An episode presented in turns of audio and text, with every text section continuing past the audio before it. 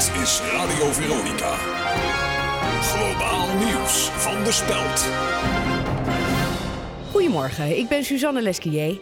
President Poetin heeft de bezetting van Den Haag door de internationale gemeenschap sterk veroordeeld. Volgens de Russische leider gaat het om een inbreuk op de Nederlandse soevereiniteit en een schending van het internationaal recht. PVV-Kamerlid Harm Beertema stapt per direct op.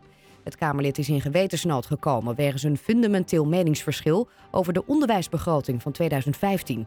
Volgens Beertema bevindt de PVV zich op een glijdende schaal door de bezuinigingen op het speciaal onderwijs te steunen. En de eerste klassieker van het seizoen heeft geen winnaar opgeleverd. Milaan-San Remo eindigde ondanks een boeiend spektakel onbeslist. De return is over twee weken in San Remo. In Frankrijk wist Parijs-Nice te verslaan en in de volgende ronde ontmoet Parijs-Roubaix. En tot zover. Meer nieuws op spel.nl.